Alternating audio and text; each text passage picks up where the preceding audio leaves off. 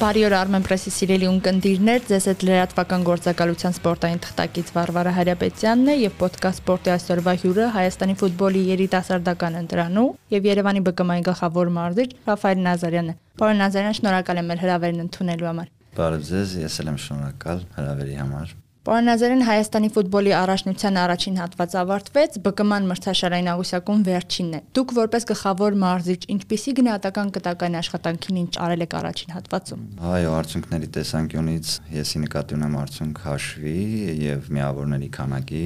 բավարար չի եւ չի գոհացնում մեզ, բայց կան որոշակի գործոններ, որոնց հետ պետք է մենք հաշվի նստենք Դա նա է, որ առաջին անգամ ֆուտբոլիստների գրեթե 95%-ը առաջին անգամ են մասնակցում Բարսագույն խմբի առաջնությանը։ Ստացել են հնարավորություն դա անելու։ Այդ առումով ֆուտբոլիստները պետք է ադապտացվեն առաջնության արագություններին, առաջնության տեմպին, հաշվի առնելով նաև շատ թիմեր, գրեթե բոլոր թիմերը փորձառու ֆուտբոլիստներ ունեն, իրենք նաև ունեն փորձի պակաս, պետք է դա լրացնեին։ Այս առումով առաջին հատվածը ես 3 կատեգորիայի եմ բաժանել՝ ադապտացիոն շրջան, կայունացման շրջան եւ զարգացման շրջան։ Մենք անցանք ադապտացիոն շրջանը։ Այժմ մենք մտնում ենք կայունացման փուլ։ Դրանից հետո նոր զարգացման փուլ այնպես որ արդյունքների տեսանկյունից ոչ, բայց այս իմ նշած գործոնների առումով կարծում եմ քայլ են կարել դեպի առաջ։ Նազարյան, իհարկե գուցե կողքից տպավորությունը սխալ է, բայց տպավորություն ստացա առաջի հատվածում, որ թիմը մրցաշրջանի մեկնարկին կայուն խաղեր ցույց տալիս, վերջում տպավորություն է ստանում, որ հոգնածությունը այնուամենայնիվ իր խոսքը ասում էր։ Արդյոք դա այդպես է։ Եթե դուք նկատի ունեք խաղի հատվածը 90 րոպեի, այո, ոչ թե առաջնության առաջին շրջանի սկիզբը եւ վերջը, այդպես չի, այլ եթե նկատի ունեք ամբողջ 90 րոպեն, այո, դա հենց այդ իմ նշված գործոններից էր ադապտացիոն շրջանի։ Քանի որ ֆուտբոլիստները չեն խաղացել, ճունեն այդ խաղային փորձը, ճունեն այդ խաղաժամանակը չեն ստացել, բնականաբար նաև ուժի խնդիր կար, ուժի պակասի։ Այո, այդպես էր, բայց վերջին խաղերը, առաջին շրջանի վերջին խաղերում մենք գրեթե ուժով այլևս չենք զիջում։ Մենք կարող ենք զիջել փորձով եւ որոշ առումով նաև որակով։ Այդ առումով այո, կար այդպիսի բաց, որը հույսով եմ լրացնում ենք։ Պարոն Նազարյան, ինչ փոփոխություններ եք մտածում, հա, այս ընդմիջման ընթացքում անել մինչև ամսի 19 փետրվարի նոր դեմքեր կլինեն, թե այնուամենայնիվ կպահպանեք այն կորիզը, որ մինչ այս։ Կորիզը կպահպանենք, շատ քիչ համալրում կունենանք, քանի որ նաև մենք ԲԿՄ-ան բանակի թիմ լինելով հանդերձ կան որոշակի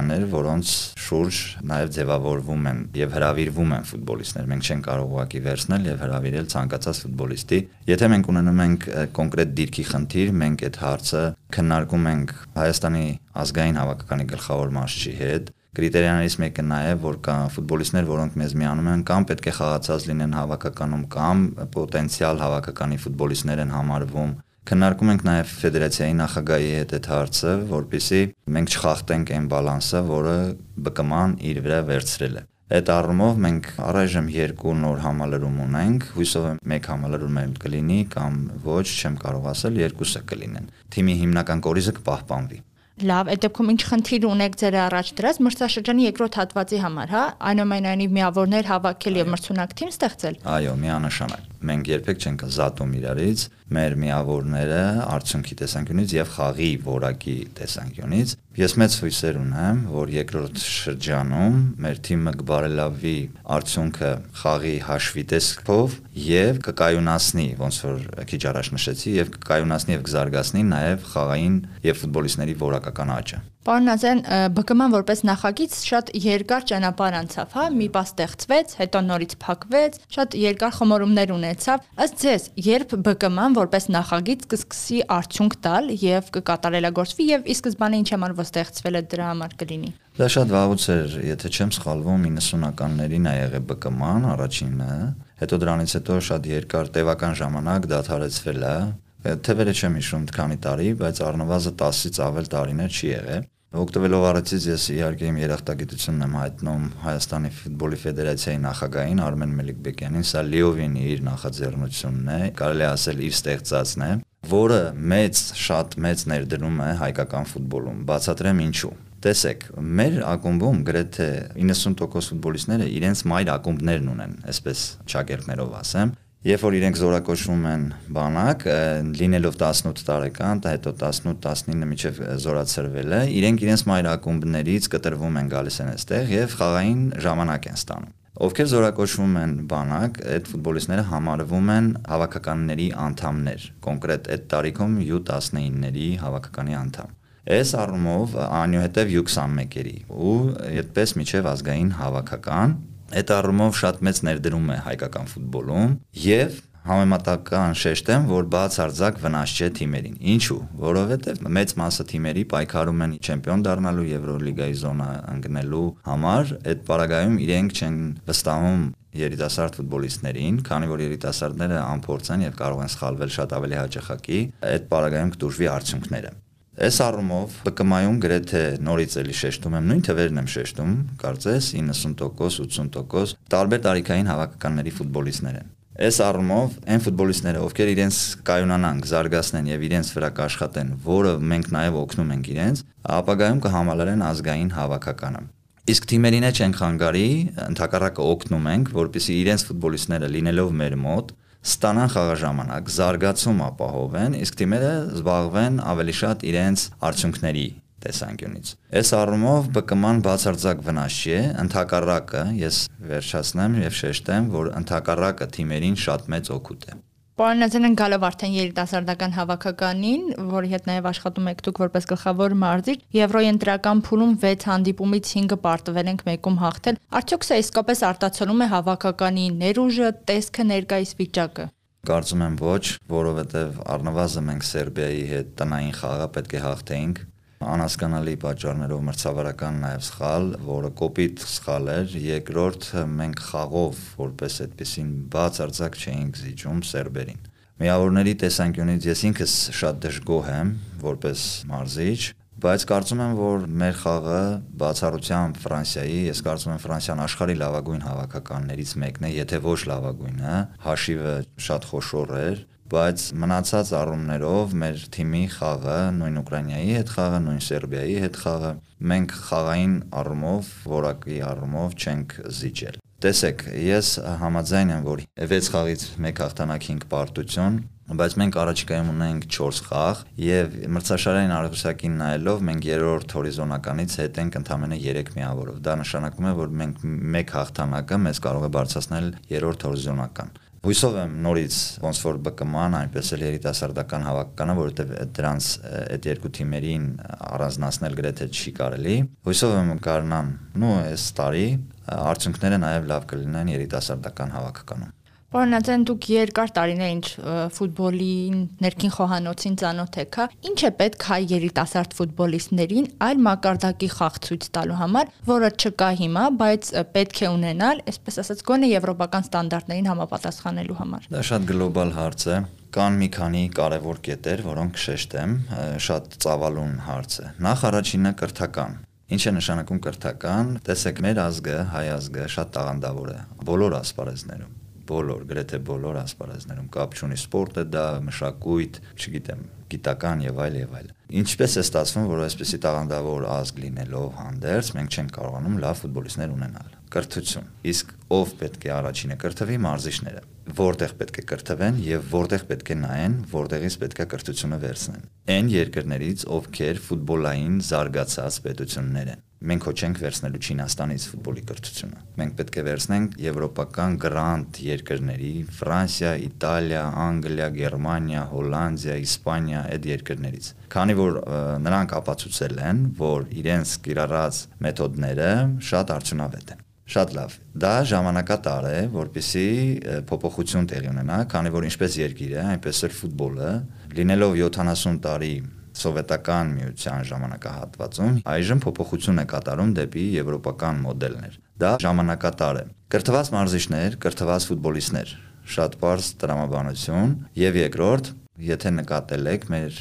առաջնությունում այժմ կա լեգիոներների սահմանափակում, այսինքն կարելի է ձևակերպել նաև այսպես պարտադիր 3 հայ ֆուտբոլիստի ներկայություն։ Ինչու մեր ֆուտբոլիստները չեն զարգացել։ Առաջինը ասեցի, կրթություն, կրթված մարզիչներ, կրթված ֆուտբոլիստներ եւ երկրորդ, մեր երկրում մեր ֆուտբոլիստներին ուղակի չեն վստահել։ Մեր ֆուտբոլիստները թերահավատորեն են մոտեցել իրենց սեփական ուժերին Սա երկրորդ կարևոր կետը, որ ինչից է առաջացել, որ ձեր տված հարցը, որ մեր ֆուտբոլիստները չեն կարողանում միջին եվրոպական գոնե մակարդակի ֆուտբոլիստներ դառնալ։ Սրանով մեծ մասը պետք է զբաղվեն ակումբները, իրենց դպրոցներով, իրենց մարզիչներով, իրենց ստեղծած ակադեմիաներով եւ այլ եւ այլ։ Բայց նորից վերադառնանք ԲԿՄ-ին, շատ շատ շատ կարեւոր եւ հուշ կարեւոր աշխատանք ԲԿՄ-ն իր վրա վերցրել, իդեմս մեր ֆուտբոլիստների զարգացման եւ SS process-ների առումով։ Հույսով եմ առաջիկայում ԲԿՄ-ից կլինեն ֆուտբոլիստներ, կապ չունի ԲԿՄ-ից եսի նկատի ունեմ, ԲԿՄ-ի ֆուտբոլիստների մեծ մասը ունեն իրենց մայրակոմները, այդ ֆուտբոլիստներից որոշները կտեղափոխվեն եվրոպական առաջնություն ակումբներ եւ մենք դրանով ցույց կտանք, որ մեր աշխատանքը արդյունավետ է։ Ակումբներին նաեւ ցույց կտանք, որ կարելի է նաեւ զարգացնել այդ ֆուտբոլիստները, նույն Ժիրայ Շաղոյանը, նույն Նարեկ Գրիգորյանը, նույն Միքայել Միրզոյանը, նույն Գրենիկ Պետրոսյանը, այս ֆուտբոլիստները ում նշեցի, իրենք ակումբներ ունեն։ Եվ իրենց տեղափոխությունը ակումբներին կդրթի, որպեսզի ակումբները շատ ավելի շատ ուրشادիր հետևեն թե ինչ աշխատանքեր տարվե եւ հույսով են վերցնեն այն մեթոդները, այն գիտելիքները, որոնք եվրոպական երկրներից են։ Սա շատ լուրջ բիզնես է իմիջելից ուշադրություն պետք է հրավիրել։ Պարոն Նազարյան, դուք խոսեցիք եվրոպական մի շարք երկրների փորձի մասին, որտեղ կա սխեմա, ակադեմիական սխեմաներ, ինչպես օրինակ, չգիտեմ, Հոլանդիայում, Իսպանիայում եւ մնացած այլ երկրներում, որտեղ ֆուտբոլիստը գալիս է ակադեմիա, այնտեղ դառնում է իր տունը եւ, չգիտեմ, Բարսելոնից սկսած Ռեալով եւ այլ այլ ակումբներով։ Այսպես աճում է, զարգանում է եւ ինքը զգում է իրեն ամբողջի մի մասնիկ։ Հայաստանում որպես այդպեսին մի քանի ակադեմիաներ կան, որոնք կարելի է ձեռքի վրա հաշվել։ Արդյոք մեր խնդիրը նաեւ ակադեմիաների բացակայությունը չէ։ Այո, ակադեմիաների բացակայությունն է, նաև նշեցիք, որ կան ակադեմիաներ, բայց այդ ակադեմիաները փաստացի չեն աշխատում արդյունավետ թիմեր չնշենք, բայց կան թիմեր, որոնք ունեն ակադեմիաներ, բայց արդյունավետ չեն։ Այսինքն, եթե ակադեմիաները արդյունավետ են, նշանակում է իրենց առաջին թիմի կազմում պետք է գերակշռեն իրենց ակադեմիաների սաները բայց հաշվի առնելով վերնշված նախ իմ այն միտքը որ ֆուտբոլիստներին պետք է կրթել պետք է կրթել փոքր տարիքից սկսված դե հենց դրա համար է շեշտեցի որ սա լրջագույն բիզնես է չես կարող 5 տարի չկրթես հետո վերջի 3 տարին կրթես ինչ որ մի բան թերի կլինի Ես մարդուն չեմ ուզում համեմատեմ ուրիշ բաների հետ, բայց եթե ինչ որ արտադրանք եք նախատեսել արտադրել, այդ արտադրանքը պետք է անթերի լինի, որպեսզի շուկայում պահանջարկ ունենա։ Մեր ֆուտբոլիստները թերի են, թերի են զարգանում։ Ասեցի 5 տարի չեն կրթում կամ կրթում են թերի, այնուհետև ուզում եմ, որ այդ ֆուտբոլիստները շատ լավ տեխնիկա ունենան, շատ լավ արագություն ունենան, կոորդինացված լինեն, ուժ ունենան եւ այլը, տակտիկապես կրթված լինեն, չի լինի այդպես։ Տարիների բաց թողումը լրացնելը շատ բարդ խնդիր է։ Այս առումով, եթե դիտարկենք այս տեսանկյունից ձեր նշած եվրոպական թիմերի անունները նշեցիք, իրենք շատ արագ հասկացել են, որ սա շատ լրջագույն բիզնես է, շատ լրջագույն, չափազանց եկամտաբեր բայց դրա համար պետք է A կետից միջև B կետը այդ ընկած ժամանակահատվածում դա սկսելը փոքր տարիքի երեխաները հաճախում են եւ միջև B-ն պրոֆեսիոնալ պայմանագրերը, պրոֆեսիոնալ թիմ ընդգրկվելը։ Այս պարագայում պետք է աշխատել ժամանակակից մեթոդներով, որպիսի բիզնես պատուղները իրենց ցույց տան։ Վերադառնալով արդեն երիտասարդական հավաքականին նորից, երբ որ նայում ենք հավաքականի խաղը, պարոն Նազարյան, ոչ թե ձեռագրի տարբերությունը, երկու տարբեր խաղակեսեր են։ Ինչը չի բավարարում ֆուտբոլիստներին հավասարակշռված գնալ ամբողջ 90 րոպեն։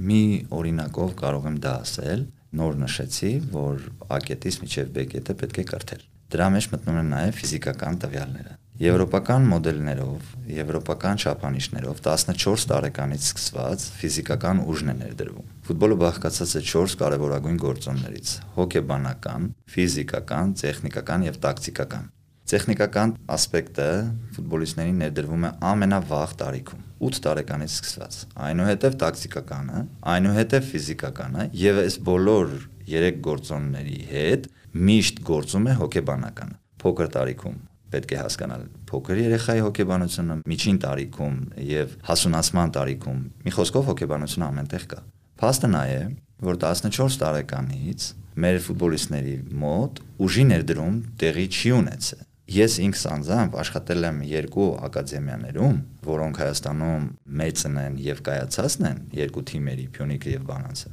Փյունիկը ունի, ուղակի ունի իր ակադեմիայում մարզասրահ, ուղակի ունի։ Տեսեք, համեմատաբար շատ ավելի հեշտ է ներդնել ֆիզիկական ուժը, քան տեխնիկական եւ տակտիկական մտահղացումները։ բայց արյուտես որ մենք համեմատաբար հեշտ ավելի հեշտ ասպեկտը բացարձակ բացի թողի վիճակում ենք թողել եւ հետո ուզում ենք որպիսի այն տեխնիկապես զարգացած ֆուտբոլիստը խաղա 90 րոպե չի կարող Եթե մարմինը թույլ չի տալի, որպիսի դու կիրառես այն ինչ որ իծնե նաև ունես տաղանդը, չես կարող դա ցույց տալ ամբողջ 90 րոպե։ Միակ խնդիրը կայանում է այստեղ։ Ավելին, առայժմ էլ շարունակվում է այդ process-ը, որոշ չափով տեղաշարժեր կան, օրինակ ֆուտբոլի ակադեմիայում արդեն ներդրվում է 14 տարեկանից ոչ այն ծավալներով, որ պետք է, քանի որ խոչընդոտներ կան, հույսով եմ նոր ղեկավարությունը ակադեմիայի, որը ընտրել է այդ ուղին, ավելի շատ արագ տեմպերով խոչընդոտները կվերացնի եւ այդ բացը կլրացվի։ Պարոն Նազարյան, դուք երկար տարիներ արդեն աշխատում եք հա մարշչական այդ ընտանիքի հետ եւ ծանոթ եք այն սխեմային, որ իր հետ բերեց Խինես Մելենդեսը, հա։ Որքանով դա կարող է ադապտացվել մեր իրականության եւ մեր մենթալիտետի հետ եւ երբ վերջապես կքաղենք այդ բարիքը, հա, այդ ծառի պտուղները։ Ես ճիշտ ասած շատ-շատ անգամներ լսել եմ, որ գիտեք, երբ որ խոսքը գնում է ադապտացնելու մասին, ինձ իմ կարծիքով դա ավելի շատ արդարանալու միջոց է այն մարդկանց մոտ, որ իրենք ուզում են արդարանալ, որ մենք լավ ենք, իսպանացիները մեզ ինչ պետքա տան, հոլանդացիները մեզ ինչ պետքա տան, դա արդարանալու միջոց է ըստ ինձ։ Ինչի, որովհետև տեսեք, ես ամենասկզբից նշեցի, որ մենք պետք է վերցնենք կրթությունը եվրոպական այն երկրներից։ Շատ լավ։ Խնդրում եմ ինձ ասեք, իսլանդացիները կարող են ադապտացվել իսպանական մոդելին կամ հոլանդական։ Խնդրում եմ ինձ ասեք, Ֆինլանդիան կարող է ադապտացվել հոլանդական կամ իսպանական մոդելին։ Պարադոքսալ բան է սա, ինչի, որովհետև իսլանդացիները լինելով ոչ տաղանդավոր, իսեր ասում, չհասկանան թե իսլանդացիները, բայց իրենց համար առաջին բանը ուժն է։ Ուժով ազգ են իրենք բայց արյուտես, որ իրենք վերցրել են, կիրառել են, ադապտացրել են, որոշ չափով այո ձևափոխություններ պետք է արվի հաշվի առնելով մշակույթը, մենտալիտետը եւ ընդհանրապես տվյալ երկրի ժողովրդի մոտեցումները բայց որ պետք է վերցնել եւ կիրառել դա միանշանակ է Էնպես որ ես կարծում եմ, որ մենք վերցրել ենք Խինեսից, ոչ միայն Խինեսից, ես ինքս անձամբ նաև հոլանդացիներից եմ վերցրել եւ երկուսի ծրագրերը իրար հետ միքս եմ արել որը կիրառում եմ ու նաև ավելացնեմ, որ շատ մեծ բան է տվել նաև Խոակին Կապարոսը այդ առումով եւ մենք բաց ենք։ Անձամբ ես բաց եմ։ Ես բացարձակ ոչ մի նյութ գախնի չեմ պահում, ոչ մի նյութ նենց չի որ չեմ տալի։ Լիովին բաց եմ։ Խնդրեմ, բոլորը կարող են գալ եւ վերցնել։ Պարոն Նազարյան, հավաքականում, ազգային հավաքականում գալիս է մի պա, որ արդեն պետք է քիչ-քիչ սերնդափոխություն տեղի ունենա։ Դուք որպես երիտասարդականի գլխավոր մարզիչ, այն սերունդը, որ աճում է ավակ թիմի համար, երբ կսկսի իր, այսպես ասած, խոսքը ասել, իր շեշտադրումը կատարել ազգային հավաքականում։ Կախված է մի քանի գործոններից, համար առաջինը դա մեր աշխատանքը մենք կատարենք բարձր մակարդակով, որպեսզի ֆուտբոլիստները իրոք պատրաստ լինեն համալրել ազգային հավաքականը, ու այդ առումով ԲԿՄ-ն էլ երիտասարդականի հետ համատեղ կատարում այդ աշխատանքը։ Երկրորդ գործոնը ազգային հավաքականի գլխավոր մարզչի գործոնն է։ Շատ լավ որ Խոակին Կապարոսը երբեք չի մտածում 18 տարեկան է, 17 տարեկան է, 21 տարեկան է, 35 տարեկան է եւ այլ եւ այլը, բայց ավելի շատ երիտասարդներին առանց վարանելու տալիս հնարավորություն, իսկ այդ երիտասարդները պետք է կրթվեն։ Շատ մոտ ապագայում, կարծում եմ Նարեկ Գրիգորյանի, Ժիրայր Շահոյանի հրավերքը, Արման Ներսիսյանի հրավերքները շատ շուտով անձամբ իմ կարծիքով կավելանան նաև որոշ խաղացողներ, որոնք գնում են դեպի կայունացման եւ զարգացման եւ սերնդափոխությունը որոշ չափով կլինի անցնցում։ Կան ֆուտբոլիստներ, այո, որոնք կհամալրեն ըստ ինձ, բայց դա նաև կախված է ազգային հականի գլխավոր մարզչից։ Հույսով եմ, որ 2022 թվականին այդ թիվը 3-ից կդառնա 6 կամ 7։ Եվ նորից վերադառնալով երիտասարդականին, հա, մարտի 24-ին ընդունելու ենք Հայաստանում Ուկրաինային, հա։ Ինչ խնդիր ունեք ինքներդ ձեր առաջ դրած եւ թիմը ինչ պետք է կատարի այդ խաղի համար։ Ցանկությունը միանշանակ դե բնականաբար հաղթանակն է, բայց ոնց հասնենք այդ հաղթանակին, հասնել է պետք խաղից խաղ, ես նկատի ունեմ ԲԿՄ-ի խաղերը։ Առաջնության մեկնարկից մինչ 24-ը մենք կունենանք 5 խաղ, եթե չեմ սխալվում։ Այդ 5 խաղում մենք պետք է շատ կայուն, շատ հստակ ձևակերպենք մեր խաղերով, որ մենք պատրաստ ենք Ուկրաինային հաղթելու։ Ցանկությունը ցանկությամբ, բայց իրական ռեալ նայելով ես տեսնում եմ, որ մենք ունենք այդ հնարավորությունը, թե ինչպես հասնենք, այդ ցույց կտա արդեն կոնկրետ խաղը։ Երբեք Հայաստան Ուկրաինային չի հաղթել, դա շատ ցավալի իրողություն է եւ բոլորիս մոտ, նաեւ ֆուտբոլիստների մոտ կա այդ ցանկությունը, որ կոտրենք այդ կարծրատիպը մենք պետք է անպայման հաղթենք նո եվրոպական չափանիշներով բավականին բարձր մակարդակի երկրի հավաքականին երիտասարդականի նկատի ունեմ։ Այնպես որ մենք շատ-շատ մանրակրկիտ նախապատրաստվում ենք դրան հունվարի 8-ից սկսված։ Շնորհակալ եմ պարոն Նազարյան հաճելի եւ բազմավանդակ զրույցի համար։ Շատ շնորհակալ եմ ձեզ